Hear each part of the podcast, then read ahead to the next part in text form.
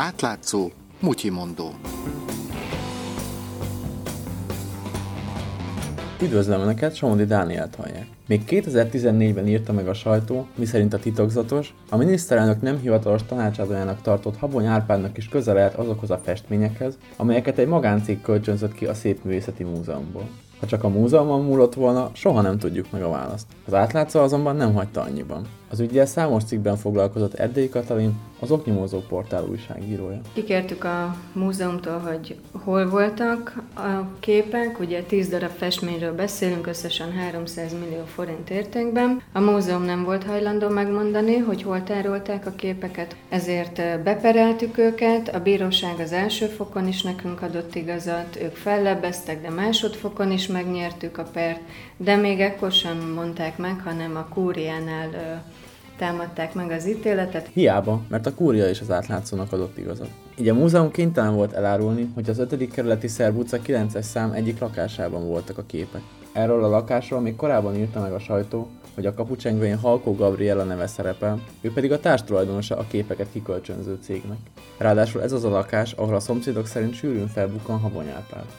Felmerül tehát a kérdés, Havonta egy szerény összegért cserébe bárki hazavihet értékes közgyűjteményhez tartozó műtárgyakat? A múzeum szerint ez náluk teljesen általános gyakorlat. Ugye annak idején megkaptuk a szerződés listáikat, azon valóban szerepelt az, hogy több magáncégnek adtak kölcsön műtárgyakat, de azok azok mind ilyen vidéki múzeumokat vagy kastélyokat fenntartó cégek voltak, tehát akik kiállították. Balogh Zoltán miniszter végül figyelmeztetésben részesítette Bán Lászlót, a Szépművészeti Múzeum igazgatóját. A műtárgyak kölcsönzéséhez ugyanis a minisztérium engedélyére is szükség lett volna. Eddig ennyi következménye volt az ügynek, amit talán érdemesebb lenne a pozitív oldaláról nézni. Lázár János azt mondta, hogy nagyon örvendetes, hogy valakit érdekelnek a régi festmények. Megszólalt még egy államtitkár is, aki közvetve érintett az ügyben, és aki kétes családi cége miatt sokat szerepelt mostanában a médiában. El Simon László, aki néhány héttel a kölcsönzés előtt nyújtotta be azt a törvényjavaslatot, ami lehetővé tette ezt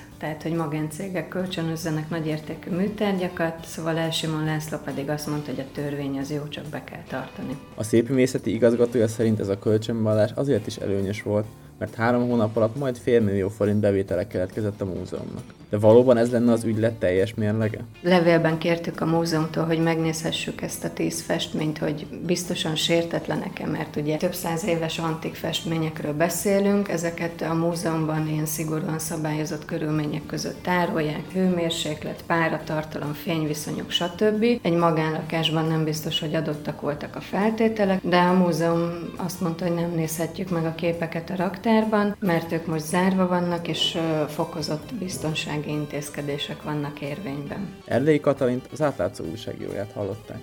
A 444.hu közben azt is kiderítette, hogy Bán László Habony Árpád esküvői tanúja volt. A szépművészeti vezetője szerint ez nem befolyásolta a döntést. Az átlátszó sem hagyja annyiban. A múzeumnak most arról kell adatokat kiadnia, hogy az elmúlt tíz évben mely magáncégeknek kölcsönzött ki műkincseket. A mai Mutyi mondott Csomodi Dániel készítette, közreműködött Mongatilla és Lémarietta. És végül egy kérés. Az átlátszó olyan témákat dolgoz fel, amelyeket mások elhanyagolnak. Olyan ügyeket tár föl, amelyek sokaknak kényelmetlenek. Olyan hatalmasságoktól perel ki dokumentumokat, akikkel más nem akar újat húzni. Nincsenek mögötte oligarchák, nem reklámokból él, és nem lehet megvenni. Támogass bennünket legalább havi ezer forinttal. Részletek az átlátszó weboldalán.